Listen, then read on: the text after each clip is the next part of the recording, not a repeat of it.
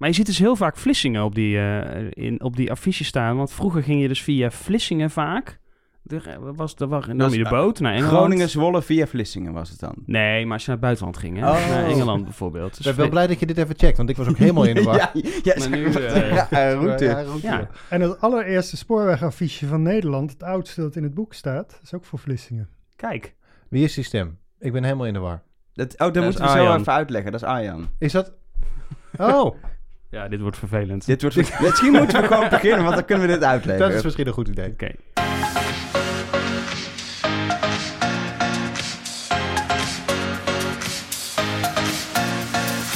Hallo en welkom bij De Spoorkast. Een podcast over dingen met spoor en wielsen en bovenleiding soms. Soms ook op diesel. En iets met treinen. Treinen, die rijden daar ook. ja. Dat is dik. Ehm, met natuurlijk eh, Arno, eh, Arjan en eh, ikzelf, Elger. Maar ook, we hebben dus nog een Arjan vandaag in de spoorkast. Want we hebben na, Hoe krijg je het geregeld? na ja, het is hele, lange, hele lange lockdowns en toestanden weer een gast in de studio. Welkom, Dank je. Arjan den Boer. Niet te verwarren met Arjan Spoormans. Het is ja, net toch een, niet vervelend bedoeld, maar net iets minder, mindere naam die past bij jouw beroep. Want je bent geen boer geworden. Eh, uiteindelijk niet. Nee. Als je een agrarisch boek had gemaakt, was dit helemaal mooi Ja, geweest. het- maar... Maar dat had je hier niet weer gezegd. Dus Nee, nee. Jij bent, eh, jij bent heel veel bezig met architectuur, met oude dingen, ook in Utrecht. Maar ook met eh, treinen en ook heel specifiek spooraffiches. Want daar heb jij een, Yep. een boek over gemaakt. We gaan daar straks... En een tentoonstelling. En een tentoonstelling, precies. In, in het Spoorwegmuseum. Waar. Waarom zeggen wij de hele dezelfde dingen door? Ja, heel- heel ik vind dat jullie, zijn jullie een soort Siamese tweeling geworden ondertussen. Tot en met 21 november te zien. Hebben we dat ook alvast ge- gezegd. Dus je kan gewoon nog in de herfstvakantie ook en zo. Als een zo'n Ja, als, geen eh, is. Hu- als Hugo niet... Ja. eh, hè? De andere Anyway, verhaal. Ehm, laten we eerst beginnen met de actueeltjes. En dan hebben we het, eh, dan hebben we het wat dat betreft over, eh, over Hugo. Want eh, corona is nog steeds wel aan de hand. Gaat het sterker weer over corona ja, hebben? ik dacht we doen toch even bij de actueeltjes doen we toch even corona. Maar dat heeft dat niks met het spoor nu te maken? Nou, je, jawel, want ehm, er zijn een paar dingen, kleine dingetjes rondom corona die ik gewoon even in de actueeltjes wilde bespreken. Als eerste, de reizigers zijn weer terug. Tenminste, meer dan de helft is inmiddels weer gewoon lekker aan het, Vind aan het reizen. Daar, daar, daar dacht ik iets over. Ja? Mag ik mijn da- gedachten uitzetten? Want ik vind het Nee, soms... zeg. Oh, oké. ik vind het soms al zo druk in de trein. Is ook. En dan denk ik... Ja, maar het gevoel dan- van drukte is wel heel ja, anders ja, ja, nu. dat zou kunnen. Maar dan, en toen las ik inderdaad van 53% van de treinreizigers zijn terug. En toen dacht ik, zitten we nog maar op 53%? Ja, het voelt- alsof het voelt er- alsof we op 70, 80 Ja. procent zitten. Ja, nou, nee, dat, is in het weekend ook zeker zo. Want in het weekend is het dus al eh, 75%. Afgelopen zaterdag Het is vooral de spits dan die nog niet zo druk is of zo. Eh, nou, eh, ja, Arno is de man van de cijfers. dus gemiddeld is het dus over de hele week gezien is het dus 53%. Maar ja, het, kijk, het gevoel van drukte, daar is zelfs onderzoek naar gedaan. Nu ligt bij 30, 40% eh, een trein die vol is. Dat zouden wij vroeger leeg noemen. Nu is het vol.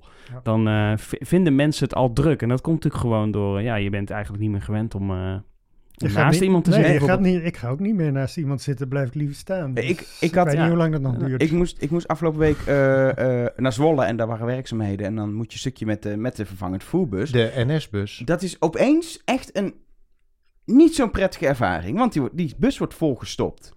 Ja. Ik, Weet je wat ik dus heb als het ik- echt dat ik dacht, moet dit? Als Met ik in de trein zit en er zit zo? iemand naast me, dat vind ik echt heel fijn. Want Ja? dan voelt weer alsof dat normaal is.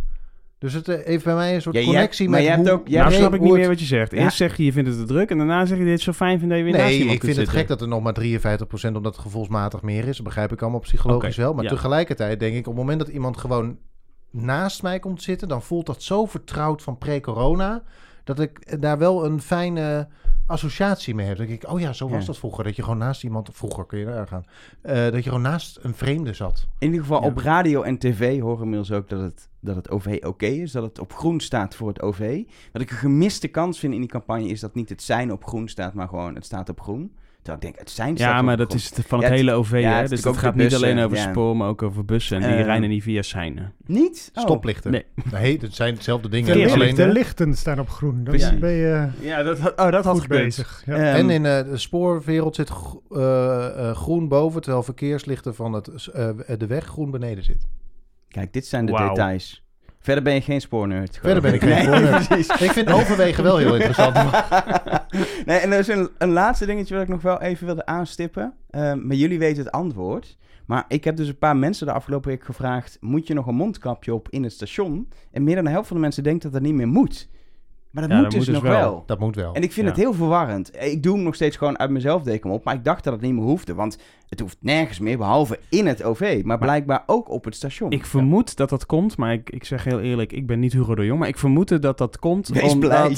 Kijk, op sommige stations zijn, is het natuurlijk binnen en, en eh, overdekt en, eh, en dat ze daarom hebben gezegd, Ja, maar gewoon op alle stations. De Dus de supermarkt is ook ook. overdekt. Ja, En de boekhandel ook. Om maar eh, gewoon boek van qua handig, Boer dan weet je gewoon, OV is mondkapje op, snap Ja. je? In plaats van dat je weer eh, Terwijl mensen dus daar zich wel, daar wel niet... realiseren dat ze hem in de trein op moeten. Dus kennelijk, Ja. wer- de- zeg maar, dat is veel beter blijven hangen dan het, eh, dan het station. Maar ik heb zeg maar een soort ezelsbruggetje voor mezelf bedacht.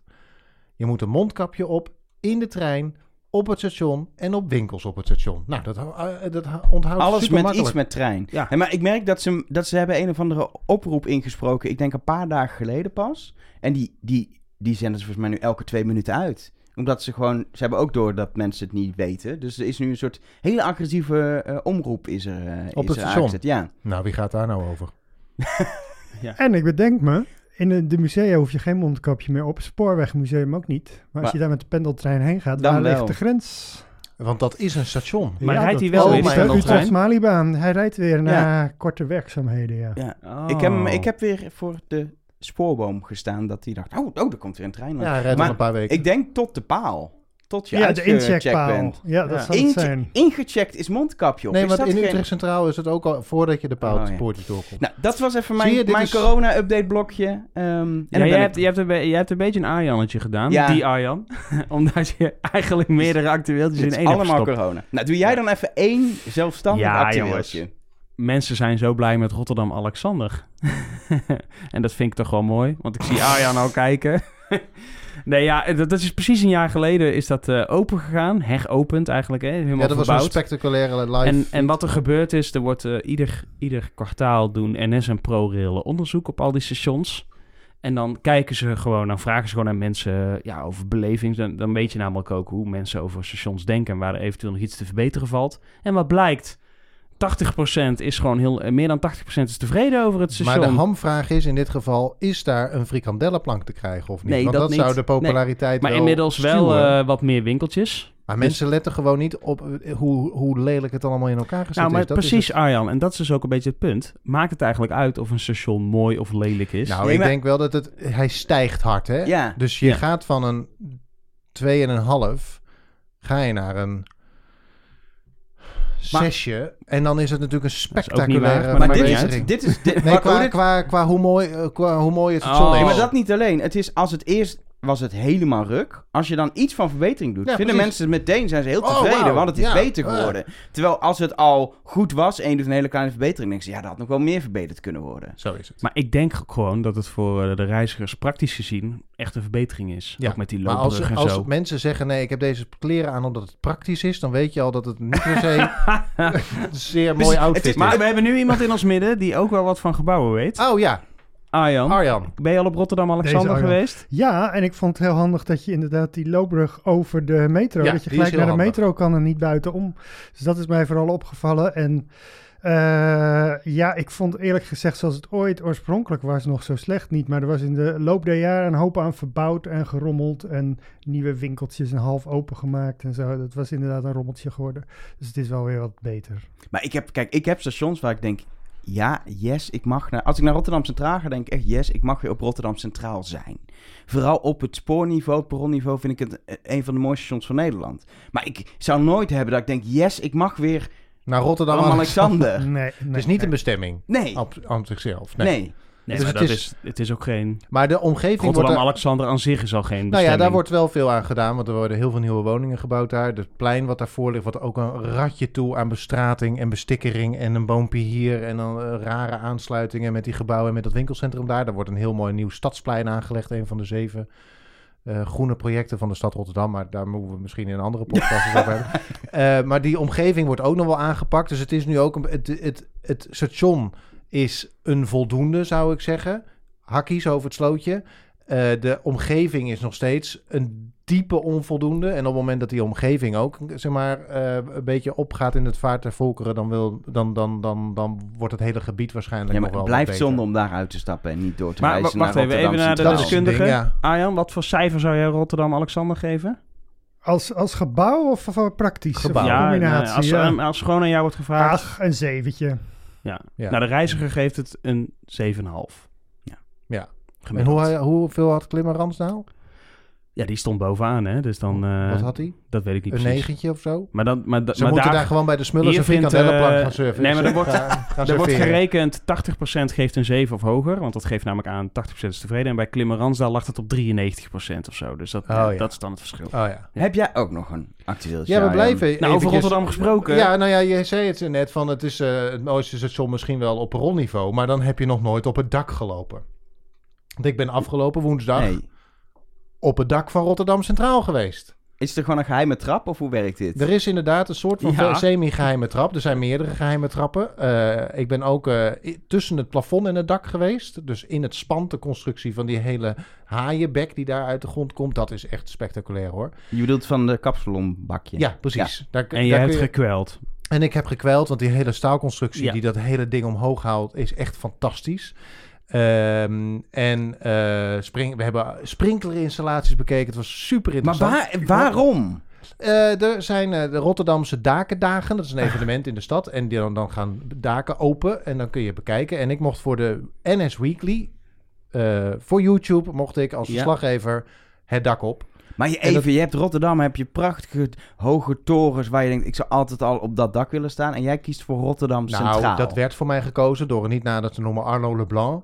Eh, die heeft eh, dat georganiseerd. Dit is een of andere 1 tweetje tussen jullie. Nee, nou ja, Nee, hij mocht. ja. de- de- tenminste, de, de, de mogelijkheid was om daar een filmpje van te maken. En ik, was, ik ben in Rotterdam, dus dan word ik als verslaggever. Ik zei. Arjan, de dakendagen zijn... Of ik zei eigenlijk, de dakendagen zijn er weer. Misschien moeten we Arjan vragen of je daar niet op wil. Want ik weet dat Arjan dat heel leuk vindt. Ik ben ook meerdere keren, die, die dakendagen eh, kun je ook allerlei andere daken op. eh, normaal gesproken, pre-corona. Dan had je zelfs hele, dan zetten ze daar tijdelijke cafés neer. En dan waren de bandjes die optraden op daken. Je kon films bekijken eh, op, daken, op daken. Super cool. En nu was het wat kleinschaliger vanwege corona. Maar Rotterdam Centraal deed mee. Dus ik heb over, de, over het, de, de kapsalonbak eh, heen gelopen, op het dak gestaan, begrepen hoe lichtspiegels in plafond zorgen voor Vogelverschrikkers. eh, vogelverschrikkers, voor de, maar Ja. die lichtkoepels zorgen voor bepaalde lichtspelingen in de stationshal. Ik kijk voor altijd anders naar eh, hoe eh, die stationshal met zijn licht omgaat. Superleuk. We moeten even En, een linkje delen naar deze video, denk Ja, ik. dat kan. Want dan kunnen mensen het zelf Gewoon de bekijken NS en ervaren. eh, die Arjan ook vaak presenteert, maar nu zit hij er gewoon in. En daar... Wat een dubieuze tekst. En Maar, daar... eh, ja. en daar eh, Maar we plaatsen even in de show notes te een linkje naar nou, eh, het is heel schattig. Het is ook gewoon leuk om naar Arjan te kijken. Want je ziet gewoon de kinderlijke ja, eh, super- enthousiasme. dat hij, nee, het is heel leuk. En ja, het is fantastisch. Je Ik- moet het even terug. ja, ik heb ik- het gezien. Ik ga terugkijken. Ik ga echt- Het is terugkijken. mooi. Ja. Ehm, van Arjan wil ik dan ook even naar Arjan. Want ik ben. Heb je ook een... We hebben dit niet echt helemaal voorbereid. Maar heb je ook een actueeltje? Ja. Eh, eind juni, ik weet niet meer precies de datum, stonden de kranten en de tv-zenders weer vol van de Orient Express was in Nederland. Hè? Dat was eh, de Venice Samplon Orient Express. Dat was door Incento, dat reisbureau, was die uitgenodigd om, eh, ja, om reizen te promoten daarmee. En ik ben nogal een Orient Express nerd. Dat wil zeggen dat ik daar van alles over verzameld heb, ook origineel materiaal. En ik heb er ook een app, een soort digitaal boek over gemaakt. Dus ik kan wel zeggen dat ik eh, de Orient Express kenner van Nederland ben, durf ik wel te zeggen hoor. Maar, eh, en dan is er natuurlijk altijd wel dat je denkt, hé, hey, dat klopt allemaal niet. Dan wil ik even zeggen hoe het echt zit. Oké, eh, we krijgen een soort rectificatie. ja, ja, ja, ja, dat is dat toch. Correcties en aanvullingen heet Ja. dat meestal in de krant. Nou, wat ik eigenlijk wil zeggen, dat is het belangrijkste. De Orient Express bestaat niet. Dat wil ik eigenlijk zeggen. Want veel mensen denken dat het een specifiek trein is. Maar het was de naam van een treindienst die ook nog heel veel varianten en vertakkingen had in het verleden. En die, die, die nu dan in Nederland was, dat is dus een, eh een nostalgietrein eh, met gerestaureerde rijtuigen. Het is soms ook heel ingrijpend vernieuwd, die nu dus speciaal voor hele rijke toeristen noem ik het maar. Ik maar het zeggen- is ook voor ju- huwelijksjubilea en zo. Het Je is kan- niet goedkoop om mee te Nee, gaan. nee, nee. Maar het is dus ook veel duurder dan de echte Orient Express wa- ooit was. Naar verhouding dan. Hè. Het was ook wel heel duur en voor de welgestelde. Maar dit is geloof ik 3.000, 4.000 euro voor een driedaagse trip. Hè. Van, eh, in principe gaat dat normaal gesproken van Londen naar Venetië. Dus hij rijdt ook niet naar de oorspronkelijke Gaat hij dan door de bestemming. kanaaltunnel? Nee, toch? Nee, het, eh, vanuit eh, Londen ga je met Brit- British Pullman rijtuigen naar, ja, ik weet niet precies, Folkestone of zo. En dan ga je de kanaaltunnel door met een touringcar, geloof ik.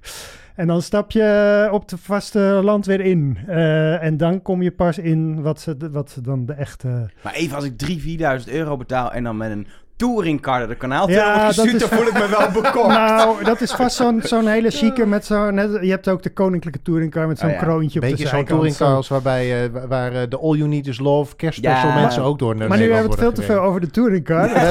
Maar, maar het was gaat het mij er eh, dus om dat, het, dat nu iedereen en in de media, dat, die trapt eigenlijk, en dat is alleen maar mooi voor dat bedrijf, maar die trapt eigenlijk in de marketing van dat bedrijf, Belmont heet dat, van dit is de Orient Express.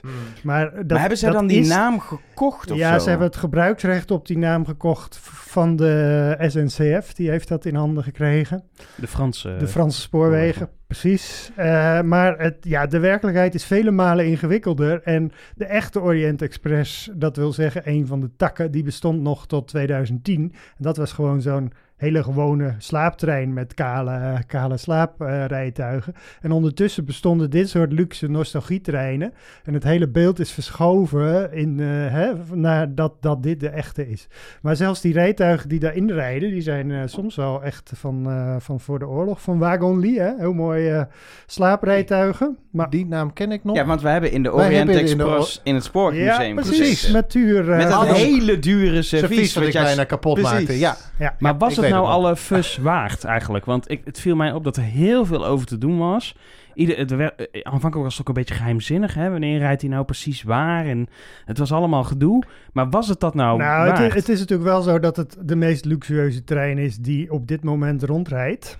Eh, en in Nederland dus maar heel zelden komt. Dus in die zin is het voor de spoorwegliefhebbers eh, leuk. ja, maar het, eh, Alleen het is- zich niet tot de spoorweg. Nee, nee, nee, precies. Nou ja, weet je wat het is? Dat heb ik ook al gemerkt. De, de term Orient Express spreekt zo ontzettend aan. En dat komt natuurlijk door alle films en boeken en alle populaire cultuur eromheen. En daardoor is een soort fantasiebeeld ontstaan dat weinig meer met de werkelijkheid te maken heeft. Alsof dat het aller, was wat er ooit rondreed. Nou ja, dat is ook niet per se zo. Het was een trein die net zo luxueus was als andere luxe treinen van Wagon Lee die naar andere bestemmingen reden.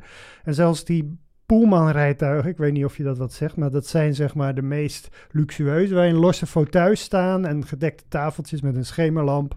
Eh, luxe stoffering van het ingelegde hout aan de wand. Die reden eigenlijk nooit in de Orient Express. Die reden in de Pullman dagtreinen, zoals de Étoile du Nord naar Parijs. En in de beeldvorming is dat allemaal op één hoop. eh, Dus de beeldvorming heeft, heeft Nederland aangedaan. Dat is het dat eigenlijk. is mooi gezegd. De ja, en het, wel het fantasiebeeld van de Orient Express reed Ja, even ja. door Nederland. en wel Ja. ernstig vertraagd, want hij kwam volgens mij vanuit België met een uur of vijf of zes vertraging de grens over. Ja, klopt. Eh, dus daarmee kun je wel zeggen, voor die 3000 euro heb je wel net wat meer waar voor je geld gekregen, want je hebt er net wat langer in mogen zitten Ja. door die Ja, heb je toch in een, mooi, heb je in een mooie marketingtrein En, en gezeten. sommige Ja, mensen ja, zijn ja. ook heel teleurgesteld dat er gewoon een moderne locomotief van de NS of weet ik van welke vervoer. Die hadden een stoomlocomotief eh, Ja, ja, want die denken dat de Orient Express één geheel is uit het verleden dat rechtstreeks naar het heden rijdt. Een maar soort Harry werkt het Potter niet. trein. Geen Ja. moord gepleegd aan boord? Eh, Nee. nee, nee, nee. Ze hebben zich misschien doodverveeld tijdens die vertraging. maar- Overigens heb ik wel eh, uitgezocht in het verleden dat er, hè, van, zijn er nou ooit echt moorden in de Orient Express geweest? En dan heb ik er twee gevonden. Oh, dat, is wel, dat zijn wel echt mooi. Ja. Oh my god, je kunt op zoek naar bloedspatters op het Ja, toilet. en, en, en, eh, het, eentje was dat er een, eh, een man. Nee, in beide gevallen werd die persoon eigenlijk uit het raam gegooid. Oh, In een tunnel is minder in Agatha Oostenrijk. Christie dan je verwacht. Ja, ja, ja.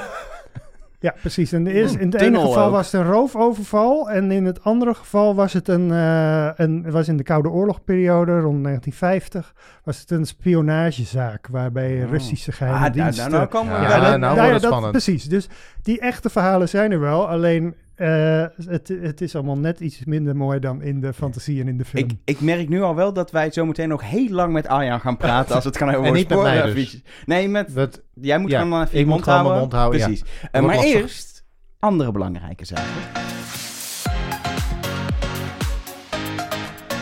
Want we gaan weer op pad, zoals we iedere week doen in, eh, in de Spoorkast. Of iedere week, iedere maand. Iedere maand. Maar Iedere Het week voelt wel iedere veel. week. Ja, het wordt ook wordt, zou veel worden. Dat zou veel week. worden. Wel leuk hoor, zo'n Eh, wekelijks ding. Vorige keer gingen we eh, vanuit Utrecht helemaal naar Klimmerhansdaal. Ja. Nu gaan we ook... Lekkere frikandellen gegeten. Hadden we dat al gezegd? Nu gaan we ook eh, een heel stuk op pad. We gaan onder misschien wel de oudste spoor eh, bovenleidingportalen van Nederland door. Nou, Langs Hollandse Rading. ja, dat is wel een ding. Dat Want is we grappig. gaan... Oh, wil je meteen? eh, ja, we gaan ik- wel meteen oké. door. De, naar Hilversum. Het is wel grappig, want dit, dit perron waar we nu staan, dit was er volgens mij, nou tien jaar geleden was het er gewoon nog niet. Tien jaar geleden? Nou, ik denk toen ongeveer Nou, dat het zoiets. aangelegd Toen is. het aangelegd. Spoor 4, 5, we zijn op eh, station Hilversum, Hey, het eh, kijk, hoofdstation. De internationale treinen. Zeker, want de naar Intercity naar Berlijn. Komt Ja. hier langs, die Is- stopt hier. Is dat het geluidje voor de internationale trein? Ja. Dat is Nooit gewoon- geweten. Nooit Echt geweten? niet? Nou ja. wat Kijk, doe jij, je wat doe jij in de spoorkast? Ja, Hoe dat kun je hier weet nou ik ook niet. zijn? Maar wisten jullie dus weer dat een aantal jaar geleden moest je daar ook nog eh, drie kwartier per uur stond daar een overgang dicht. Ja, dat was tien jaar geleden. Dat, eh, nou ja, en daar hadden we het over, tien jaar geleden. Tien jaar geleden hadden we het daarover. We staan in ieder geval op station Hilversum en ik denk dat het goed is dat we het perron gaan verlaten en dat we die kant op gaan naar de stationshal, want dat is een bijzonder gebouw. Ja, nou ja, het is grappig dat we meteen beginnen over de situatie tien jaar geleden. Want eh naar aanleiding van de verbouwing van het station wat hier heeft plaatsgevonden, een nieuwe stationstunnel onder de gebouwen door en het opheffen van die rare overweg, heeft het station dus een, een award gewonnen. Een award. Dat weten weinig mensen. Een Brunel Award. Maar dit hebben we ooit al genoemd in seizoen 1 van de spoorkast. Als je ons al langere tijd volgt, dan wist je dit al. En het wordt nu tijd om jullie, want jullie zijn ongelovigen, onder te dompelen in de outstanding visual design van station Hilversum. Ik kan me er nog steeds weinig bij voorstellen, maar we gaan toch kijken, de Bruna wordt, de Brunel. Dit, dit is wel grappig dat je, als je hier beneden komt, in de passage, dan, dan heb je zeg maar echt letterlijk de passage van het station met de trappen. En die trappen gaan over het fietspad heen, wat van de tunnel is, om van de ene naar de andere kant van het station te komen. En dan eigenlijk onder de hoofdtrap naar de hal, ga je dan weer de fietsenstalling in vanaf dat, dat fiets. Het is echt heel slim bedacht. En dat is precies waarom dit station het Brunel Award voor Outstanding, outstanding Visual Design, heb ik het al gezegd? Outstanding Visual Design Maar- heeft gewonnen. Visual, dan denk ik toch aan, nou ja, affiches bijvoorbeeld, spooradfiches, ik noem maar even iets. Dat is visueel. Nee, het Wat gaat- zie je dan visueel Nou, aan? het gaat dus eh, om dat eh, de drie, dus de trein, het wandelen, dus de, de, de transferzone, zoals het zo mooi heet van het station, en de interwijkverbinding, en dat is dus het fietspad, dat het allemaal, dat je, je, je, je ziet elkaar allemaal. Dus je hebt het, het idee alsof je in een soort één, één ruimte bevindt en dat geeft heel veel sociale veiligheid. Die tunnel is heel licht, zowel de fietstunnel als de eh, voetgangerstunnel. En dat is, dat, dat is dus kennelijk op een manier gedaan die internationaal navolging verdient. Heel visuele zichtlijnen. en zo. Precies. Maar dat nationaal ook, want eh, er zijn wel meer stations nu die nou zo'n fiets... eh Breda heeft dat bijvoorbeeld ook. Ja. Zo'n fietspad eh, in het station. eh, eh, dat is ja. dus omdat dit ook een goede ervaring hebt gehad, kun je dat op verschillende plekken kun je dat Ja. eh, ook eh, Laten we proberen. even uitchecken Ja, trouwens. dat, dat moet ook gebeuren. Ik vind het hier dus helemaal niet zo licht. maar- Jawel. Oh. Wat vind je er niet licht aan? Dan Nou, dat waar we nu, waar we nu, nu gaan we de trap op, nu wordt het wat lichter. Ja, je hebt één stukje wat even donkerder is. Ja. Hier hangt hij toch? En hier hangt hij. Boven de trap, vanuit de stationshal, ja. hangt hij. 2011, Washington tien jaar DC. geleden. Washington DC voor Outstanding Visual Design in Railroad, railroad Transportation. Railway. Transportation. Railway, railway. Het is lastig als je denkt al te weten wat er staat en dat vervolgens niet meer leest en er staat iets anders. Maar de, de hal waar we nu zijn, die is, die is veel ouder dan 2011 dan die verbouwing. Die was er al. Ja, vroeger stond hier een heel mooi oud stationnetje. Dat werd dan natuurlijk allemaal te klein en het was eh, belangrijk dat het natuurlijk allemaal zo snel mogelijk gesloopt werd. En er is een ehm, nieuw eh, station voor gebouwd. Maar Hilversum heeft een stadsarchitect, meneer Dudok. En er zijn Dudok-elementen zijn teruggekomen in dit station. Dus het heeft ronde ramen. Er een zeer gouden pilaren, ronde pilaren met Dudok mozaïek. Zowel links als rechts hangen reisinformatieschermen aan. Dus het is wel de bedoeling geweest om de Dudok-uitstraling die Hilversum heeft, om die ook in het station terug te laten brengen. Mensen, je moet eens om je heen kijken. Ja, het is ook heel hoog. Je kan ook helemaal, er is nog een loopbrug in. En, Nou, en, daardoor doet het me wel een beetje denken aan twee andere stations. Eh, Amersfoort Ja. en Den Bosch ook. wat- nou, nou heeft Den Bosch een passerel, dus dat is misschien wel iets anders. Maar Amersfoort, daar lijkt dit echt wel op, vind ik. Ja, wat- heeft ook geen tunnel.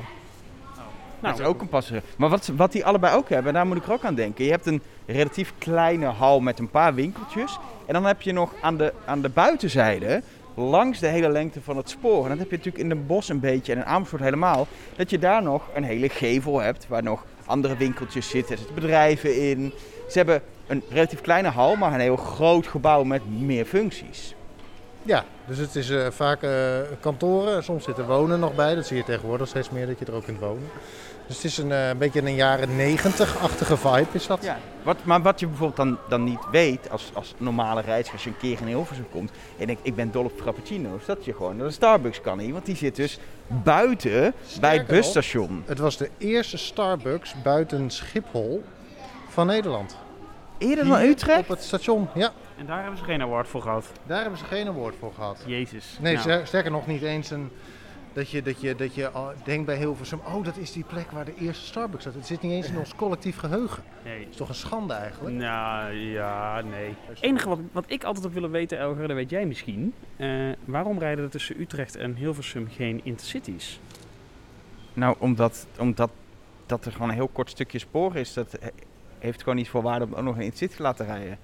Oké. Dat is het meer. De intercity viel mij verbinding gaat via Amersfoort.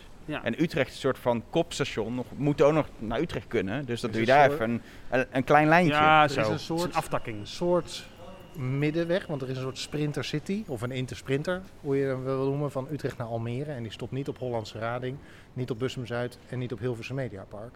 Dus je hebt een soort, dat zijn wel sprinters Die dan weer, doet maar een raar, rare route dan, als hij die volgorde niet stopt. Dat klopt. Maar als je niet stopt op die volgorde is het niet erg, want dan heb je er geen last van als reiziger. Maar Wat is er aan de hand? Wat, vi- wat vind je van...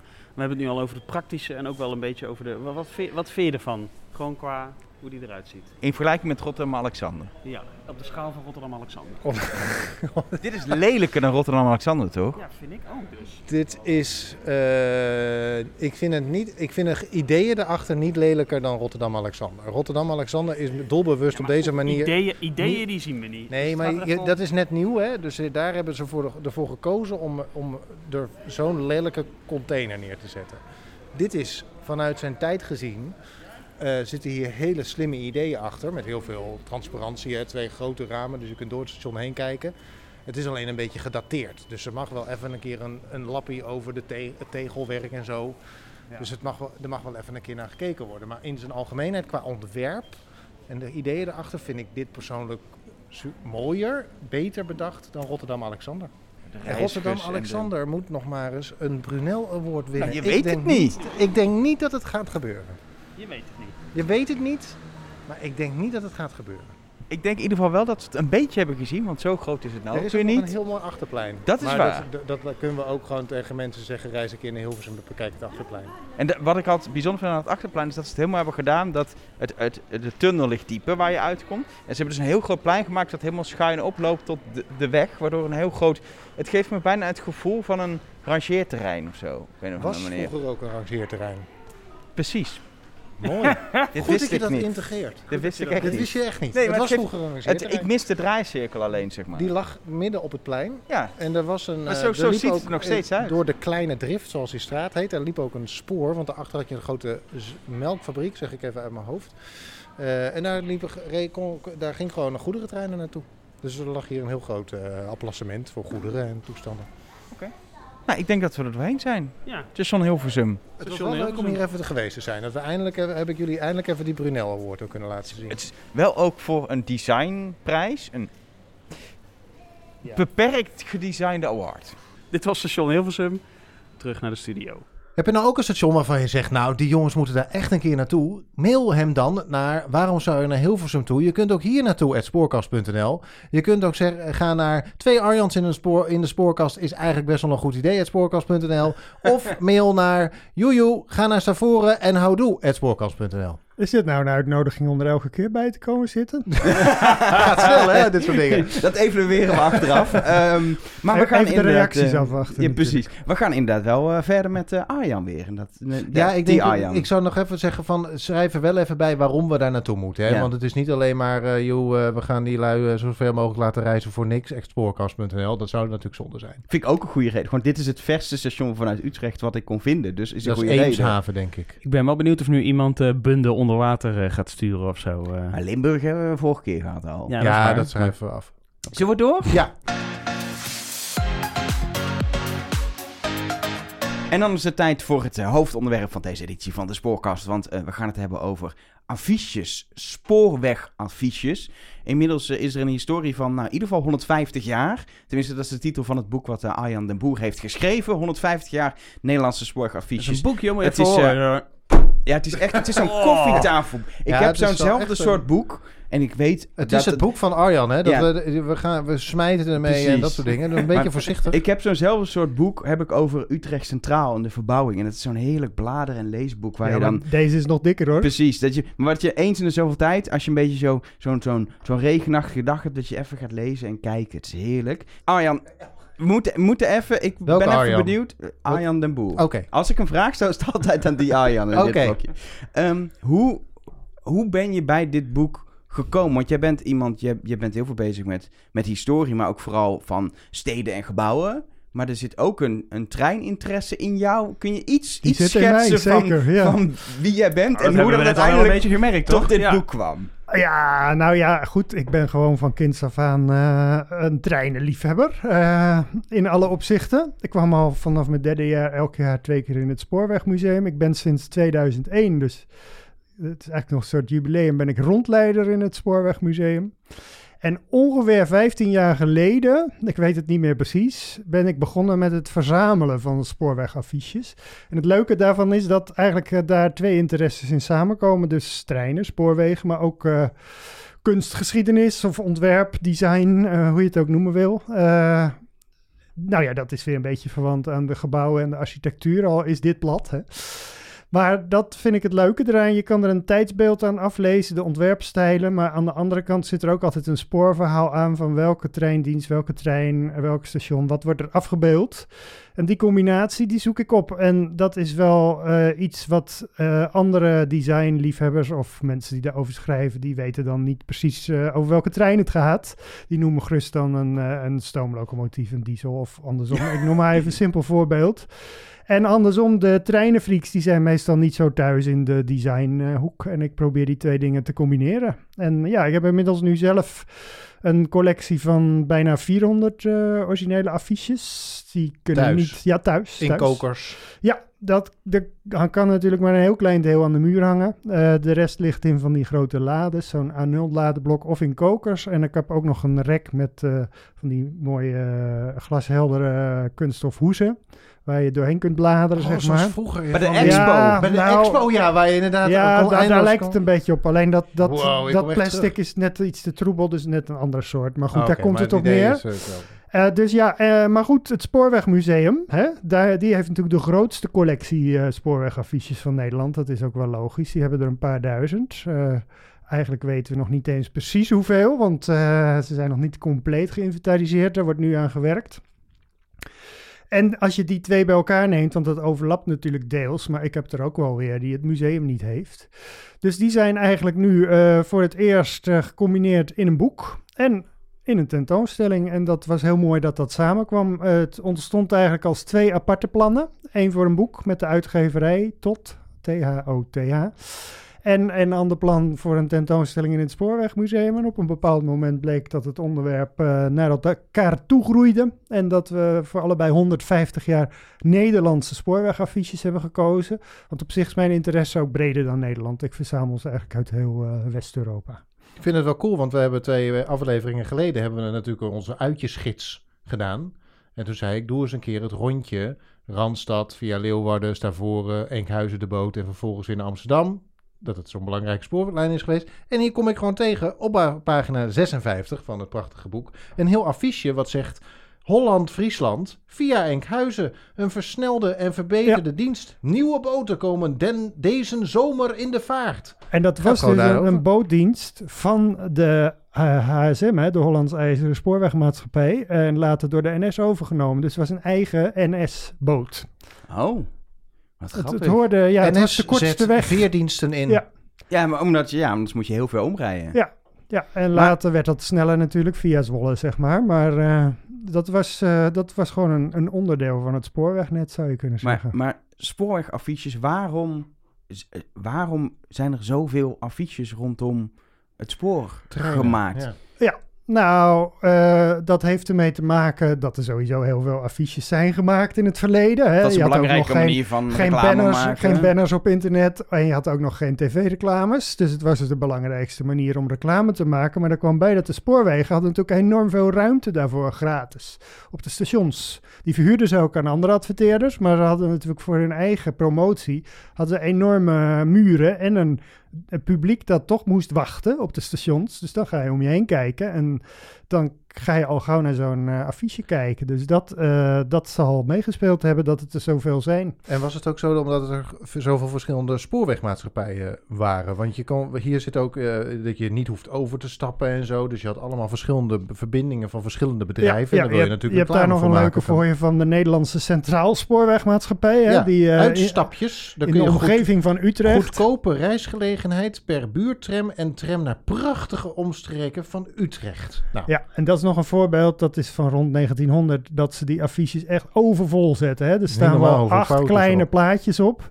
en eh, best veel tekst. En later kozen ze, eigenlijk al vanaf 1910, kozen ze altijd voor één beeld, zodat je het ook uit de verte kunt zien. Maar in het begin dachten ze, we moeten het zo maken dat je echt ervoor moet gaan staan en van links naar rechts alles bekijken. Maar, dat- Maar dat- jouw vraag was ook weer verschillende spoorwegmaatschappijen, hè? ja, dat die elkaar een beetje weg Ja, nou ja, inderdaad. Dat zie je heel duidelijk toen eh, eh, rond 1910 ontstond er een concurrentiestrijd tussen de twee grote maatschappijen, hè, die HSM en de staatsspoorwegen. Dus die gingen toen elkaar de loeven afsteken van wij zijn het snelst of wij hebben de mooiste treinen. En toen kwam er een enorme hoos aan spoorwegaffiches. En het grappige is, in 1917 ontstond de NS, hè, toen gingen ze samen. Eh, en toen viel dat in één keer weg. Dus er is eigenlijk een gat van bijna 10 jaar in de spoorwegaffiches. Want er was toen geen reden meer om te adverteren. Eh, er waren geen concurrenten meer. En er waren ook eigenlijk geen concurrenten zoals de auto en het vliegtuig en eh, de bus. Die waren nog net niet belangrijk genoeg om tegen te concurreren. Maar dat veranderde rond 1930. Toen kwam de economische crisis en toen verloor de NS ook nog eens veel aan, de, aan het wegverkeer. De bussen, de autobussen kwamen op en het vrachtverkeer. En eh, tussen 1930 en 32 hebben ze ongeveer 30% omzet verloren. En toen begonnen ze te reageren door heel veel nieuwe affiches uit te brengen met Toen speciale aanbiedingen. Toen waren- ja, zeg maar, Toen ja. waren de Maar 19, concurrenten. eh, 1917 is natuurlijk niet, want je merkt in de historie van het spoor dat de Eerste Wereldoorlog is heel belangrijk geweest. Hè? Daarvoor floreerde het heel erg. Ja. En daarna ja, eh, eh, kwam natuurlijk zo'n oorlog tussen, ondanks dat Nederland dan wel neutraal was, maar Ja, het had wel grote eh, effecten. kolentekorten en materieel tekorten. En dat was ook de reden waarom ze inderdaad samen zijn gegaan. Een beetje onder overheidsaandringen. Wel grappig trouwens dat afgelopen week dus een onderzoek kwam dat de komende 50 of de- tot 2050 geloof ik dat het spoor waarschijnlijk de belangrijkste mobiliteit wordt. En dat, dat, dat heb ik, dat, toen dacht ik, nou, dat is wel bijzonder. Of dat daar in ieder geval een grote groei in, gaan, eh, in, in gaat zijn. Dat we eigenlijk in dat opzicht, want eh, hè, er is een periode geweest, dat vertel je net, dat het spoor enorm werd weggeconcurreerd door, door de weg. En dan zie je dat het eigenlijk weer een beetje aan het omdraaien is. Nou ja, Dat is natuurlijk al een paar jaar zo, dat het eh, spoor groeit. Hè? De, corona heeft dat een beetje afgeremd. Dat is dan wel weer grappig. Maar helaas, die affiches... nee, ik denk eerlijk gezegd dat eh, die 150 jaar, dat dat voor het papieren affiche wel zo ongeveer het is geweest. Het Want je ziet nu al op Utrecht Centraal, daar hangen geen eh, papieren affiches meer. Ook niet voor andere adverteerders. Hè? Er staan alleen Wat, nog maar van die schermen op het perron. Ja, En- je hebt toch wel van die... eh, van- van- die- eigenlijk zijn al die reclame dingen nu in beslag genomen door zoveel klokken zijn er. Zoveel Ja, eh, kluis, kluisjes Dat zorgen komt, ervoor. omdat, zoveel dat komt omdat er een, eh, een conflict is geweest met het reclamebedrijf waar, de, waar via de NS reclames op de stations verkocht aan bedrijven. En daar hebben ze, die samenwerking is geknapt. En er is nog geen nieuwe partij, eh, ik noem het maar even reclamebureau, maar dat is het juiste woord niet. Maar er is nog geen nieuwe partij gevonden, heb ik begrepen, die dus de reclames op de stations verkoopt. En tot die tijd moet de NS dat zelf vullen. En dat doen ze inderdaad met een beetje, ik noem het bijna maar muzak-achtige reclame Ja, er die nergens over Zou er gewoon jouw boeken bij moeten nemen Nou ja, ik, ik heb ook voorgesteld eh, via het Spoorwegmuseum dan, maar dat is blijkbaar niet gelukt, om die oude affiches op die schermen te zetten. Dat zou toch prachtig Ja. zijn deze zomer. Maar ja, Dat zijn het zijn papieren dingen eigenlijk. hè. Maar kijk je dan naar, ook naar die, eh, want er zijn een soort van eh, animaties met zo'n leuke tekst erbij. Denk je dan ook, oh, die moet ik zo meteen nog wel in mijn verzameling hebben? Want voor het weet, eh, voor, voor het weet verdwijnen ze weer als dat conflict dan waar het over gaat eh, is opgelost. Dus zie je nou, nu, kijk je we nu hebben nog... er wel een paar eh, draaien ook op een scherm in het Spoorwegmuseum op de tentoonstelling om te laten zien hoe het nu gaat. En het Spoorwegmuseum wil ze ook wel eh, bewaren. Eh, ik zelf heb dat niet zo. Mij gaat het toch meer om dit specifieke medium, het papieren affiche. Met reclame voor de spoorwegen zelf. Met reclame maar. voor de spoorwegen. Maar ja, voor het Spoorwegmuseum hoort het er wel bij om ook de uitingen van nu te bewaren Ja. voor de toekomst. Alleen Ja. we hebben gemerkt dat het eh, bij de NS zelf eh, heel lastig is op dit moment om dingen boven water te krijgen. Want eh, er is niet meer om een of andere reden een centraal archief van al dit soort uitingen. Dus we hebben ook geprobeerd om affiches van de laatste jaren erbij te krijgen. Dat is hè, nog wel papieren affiches. Laatste is een dame met een mondkapje die zegt, nou die staat ook voor in het boek, die zegt, waar, waarbij staat welkom terug of zo, hè? wat is de slogan ook weer? Blij je weer te zien, zoiets, Mhm. Eh, van vorige zomer, dus die staat er ook wel in. Dus de laatste pagina met die donkere kleur is. Ik ga even snel We bladeren. gaan even bladeren en hebben we een plaatje Ja. bij het praatje. Ja, die. Oh, ja. die, ja, maar dat, ja, dat Goed is, je weer te zien, dat is het. maar dat is gewoon een foto. ja, maar echt precies. Gewoon een, nou ja, eh, de- de- hedendaagse ja. affiches zijn vaak niet veel meer dan een foto. En dat is dan ook niet per se een hele eh, uitgesproken bijzondere foto.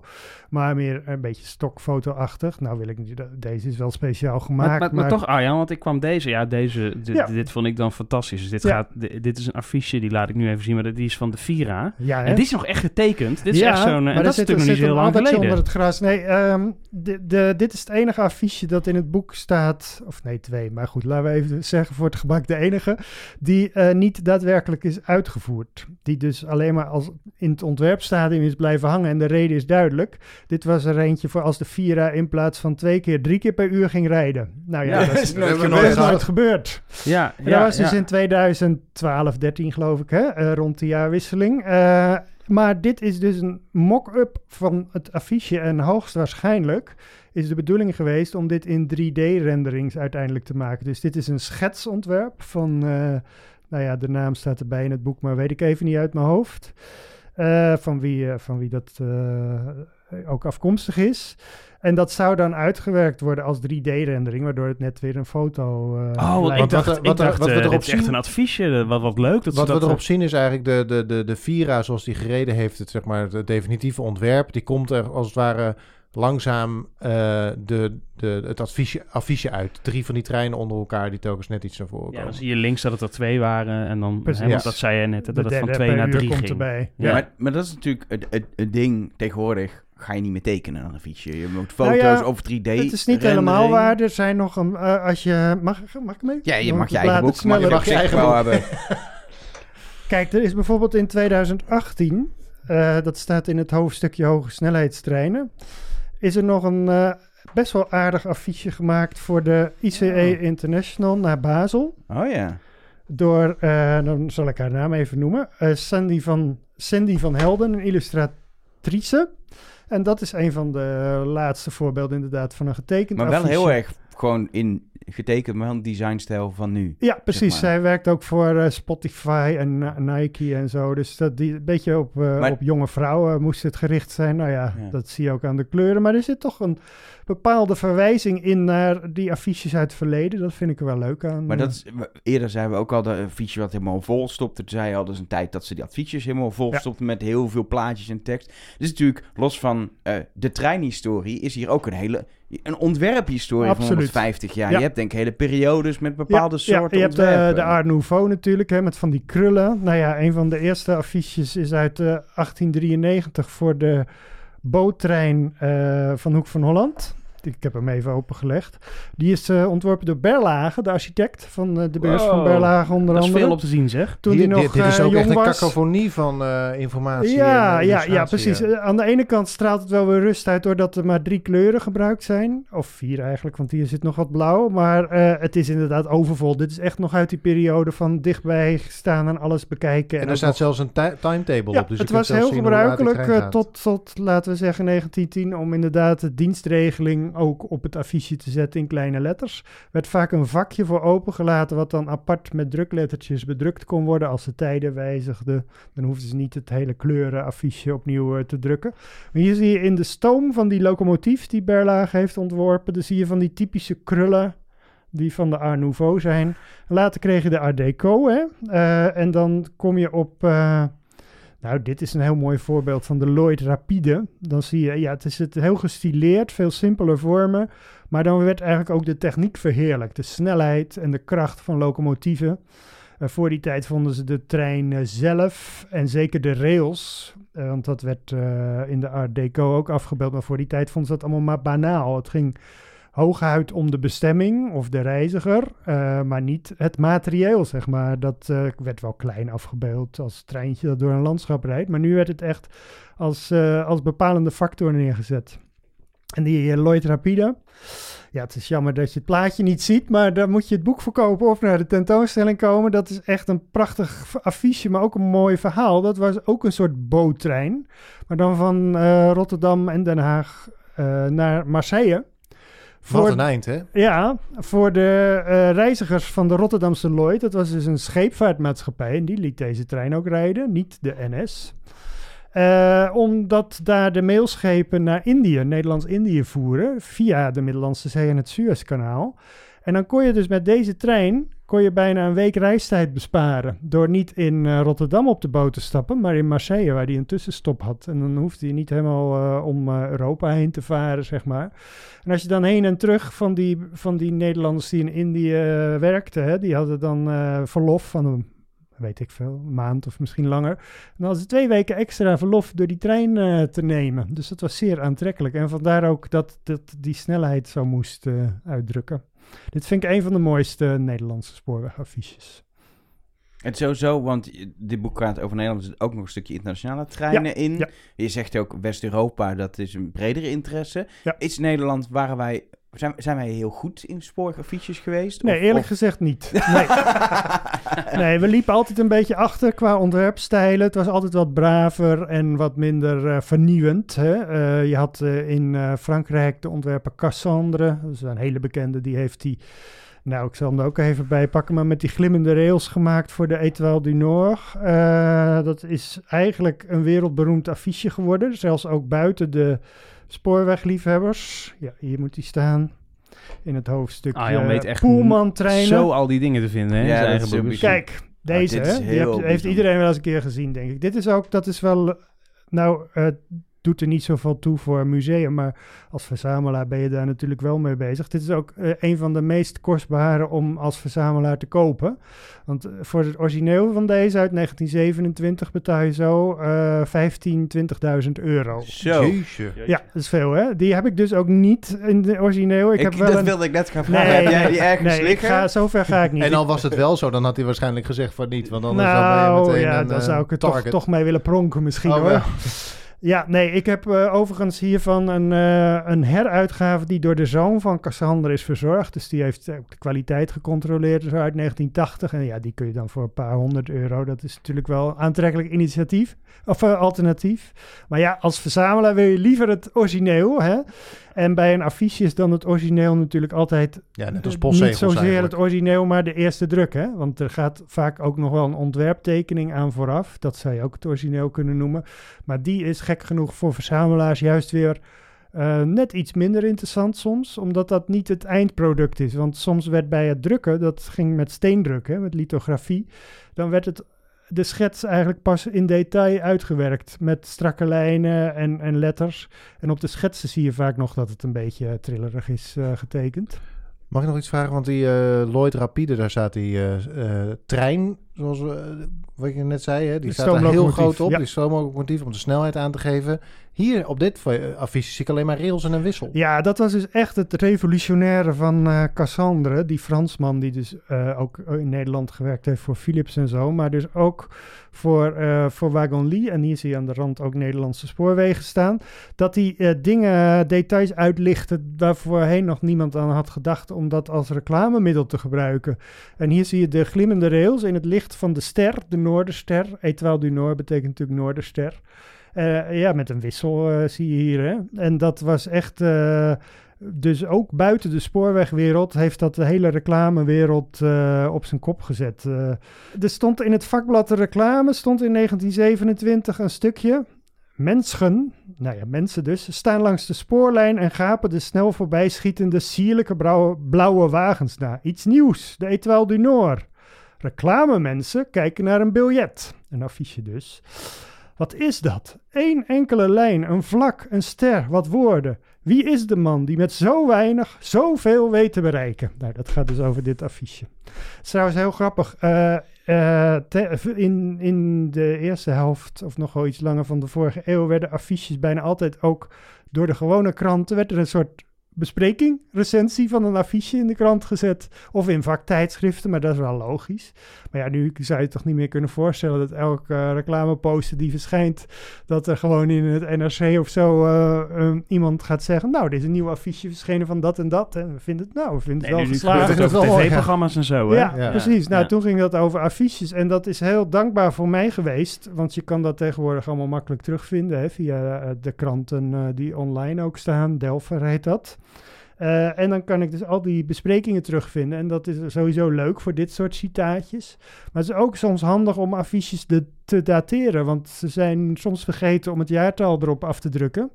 En dan kan je het soms opmaken uit de, nou ja, de trein waar het over gaat. Hè, van, die is toen en toen gaan rijden. Maar soms weet je het niet en dan helpt zo'n recensie natuurlijk. Dus Ja. zo zit er ook een hoop eh, uitzoekwerk eh, achter. Hoe lang ben je bezig met zo'n boek? Ik heb er een half jaar echt aan gewerkt, maar daar gaat een periode van, ik denk wel tien jaar aan vooraf, dat ik over al die affiches al van alles had uitgezocht, eh, gegevens eh, genoteerd. Dus het is moeilijk te zeggen hoeveel tijd er echt in is gaan zitten. Je, je zei net al, dit, het affiche is een beetje... Het is klaar, want we hebben nu schermen en als het al nog affiches zijn, dan is het vaak ook toch wel meer fotografie. Ja. Echt, dit, dat tekenen van affiches is verdwenen. Ja. Aan de andere kant, ik weet, in Amerika, Amtrak promoot zijn, zijn lange afstandslijnen nog steeds juist met echt die oude affiches als een soort retro Ja, nou dat zou kunnen. Dat zou kunnen, dat het toch weer, eh, weer af en toe terugkomt. Ja, Als een soort... zoals de eh, LP ook weer eh, terugkomt. Hè? Ja. En het spoor zelf dus. En het spoor zelf. Ja. Ja. Ja, Ja. die, de, de opleving van de nachttreinen, gaat daar, denk je dat dat eh, eh, eh, daarbij gaat helpen? Of is het iets waar je naar uitkijkt überhaupt? Of Ja, zeg je van, nou, zeker, weet ja. je, misschien is het ook wel mooi als we dit gewoon in het verleden houden, want... eh, Oh, de, eh, ja, of het voor de affiches gaat helpen. Nou, misschien. Het is wel grappig, eh, omdat je dit vraagt, zal ik dat even vertellen. Er is nu een wedstrijd gaande, affiche-ontwerpwedstrijd, Europees. Van eh, Back on Track heet dat, als je daar op googelt. eh, post, Back on Track Poster Contest. leuke voor eh, de renaissance van de nachttreinen. Daar is dus, die loopt tot december. Daar worden dus affiches voor nachttreinen ontworpen door allerlei jonge ontwerpers door heel Europa. Om, eh, nou ja, ter promotie van eh, de nachttreinen, maar ook om dat affiche weer een beetje Precies, nieuw dus het leven blijft altijd wel in kleinere Ja. context blijft dat affiche wel, eh, Ja, ja. wel bestaan. Ja. Ehm, eh, het boek is gewoon te koop bij, bij, bij boekhandels online, maar ook in het Spoorwegmuseum. Dan kun je na de tentoonstelling, die is nog tot en met 21 november eh, eh, eh, te zien. En we mogen ook gelukkig weer, dat is ook fijn. Ehm, en dan eh, kun je dus heel veel posters in, in het echt bekijken. Ja, ja ik zeg er? natuurlijk affiches, hè, Oh, geen sorry. posters. Maar ja, Excuus, ach, affiches. Heel Bil- veel Biljetten. biljetten. biljetten. En het ja, boek heet 150 jaar Nederlandse spoorwegaffiches. Ja. Dat is ook wel even goed om te En zeggen. daar kun je hem ook in het winkeltje kopen als je Ja, het hebt gezien. ja. Hoeveel hangen er in de, in de tentoonstelling? Er hangen er in de tentoon... Ja, da- denk je dat ik dat niet weet? Maar heb je het ook nageteld? Dus echt allemaal hangen? Ja, natuurlijk. Ja, ja.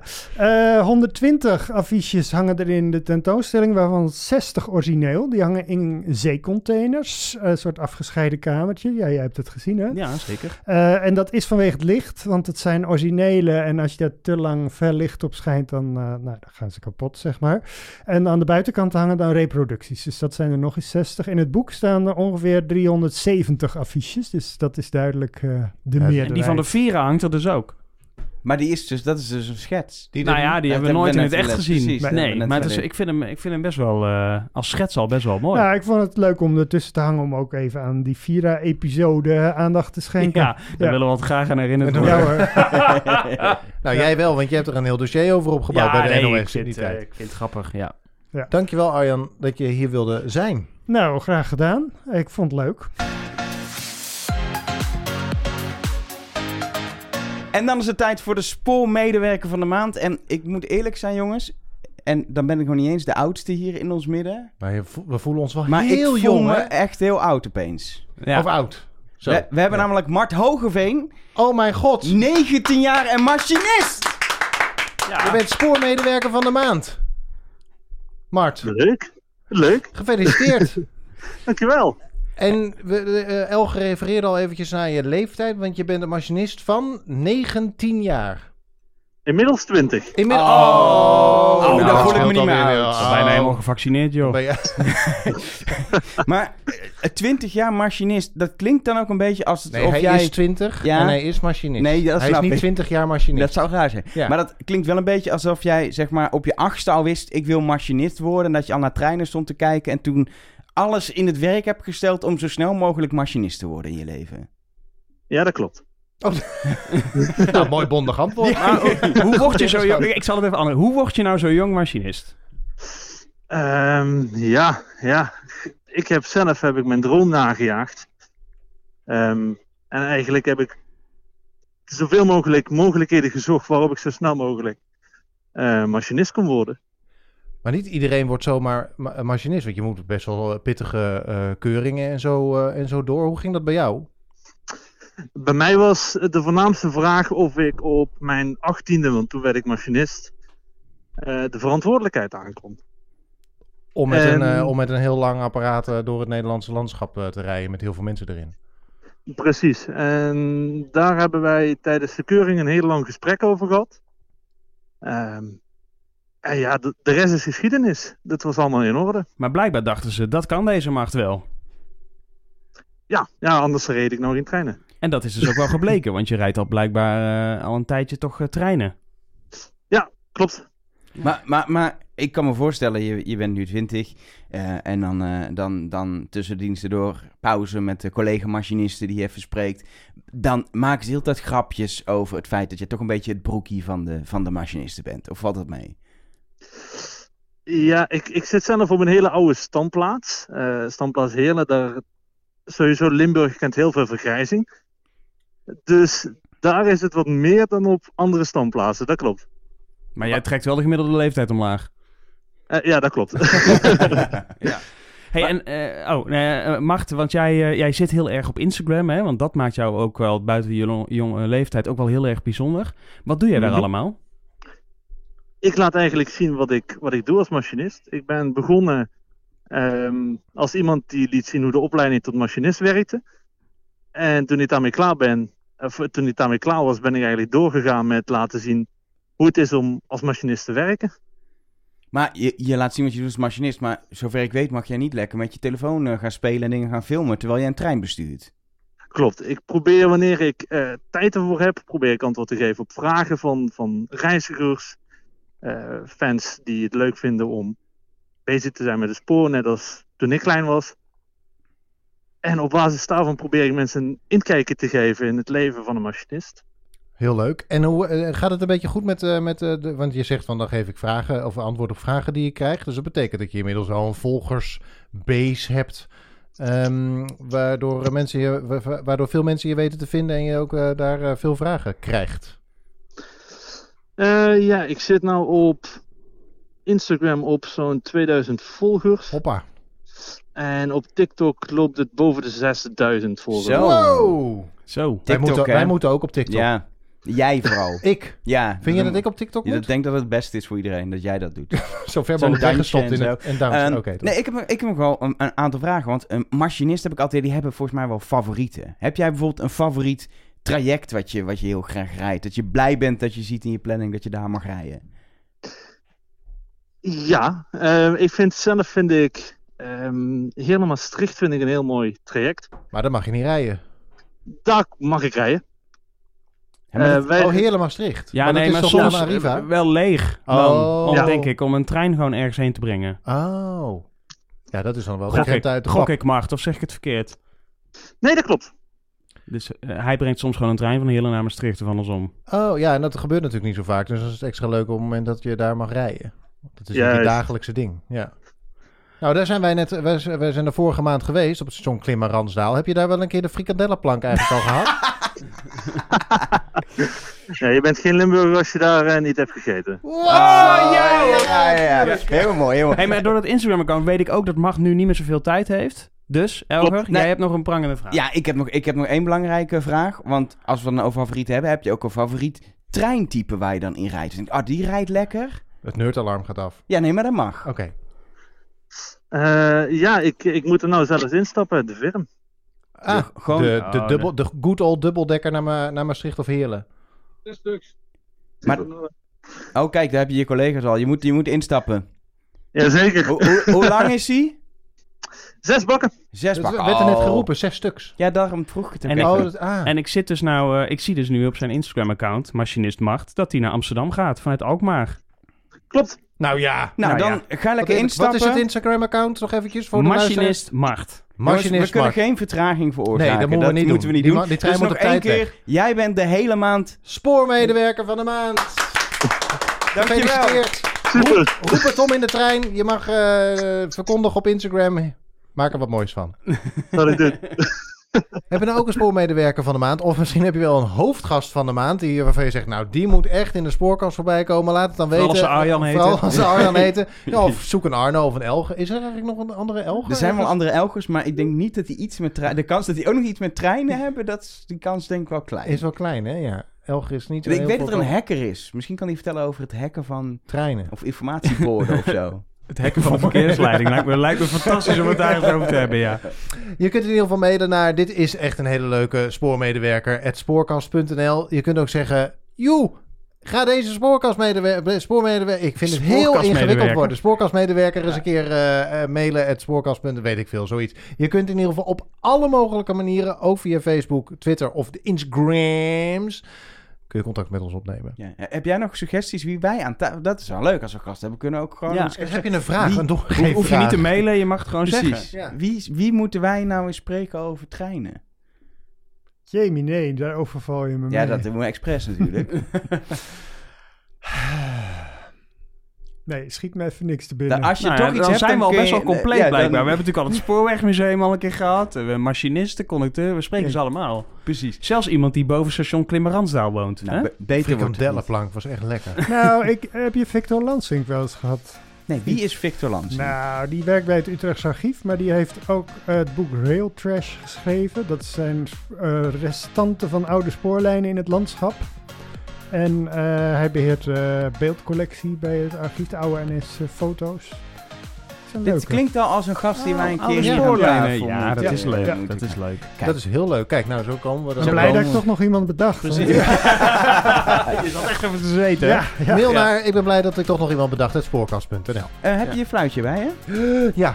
Ik schrik iedere keer. Ja, elke, oh, keer. Oh nee, is het weer zo'n circus. Fluit deze even af. Is het alweer klaar? Het is klaar, maar... Ach, het ging weer sneller. Ik denk dat we de volgende maand gewoon weer zijn met de nieuwe spoorkaart. Ik vind dat heel bemoedigend klinken in deze sombere tijden.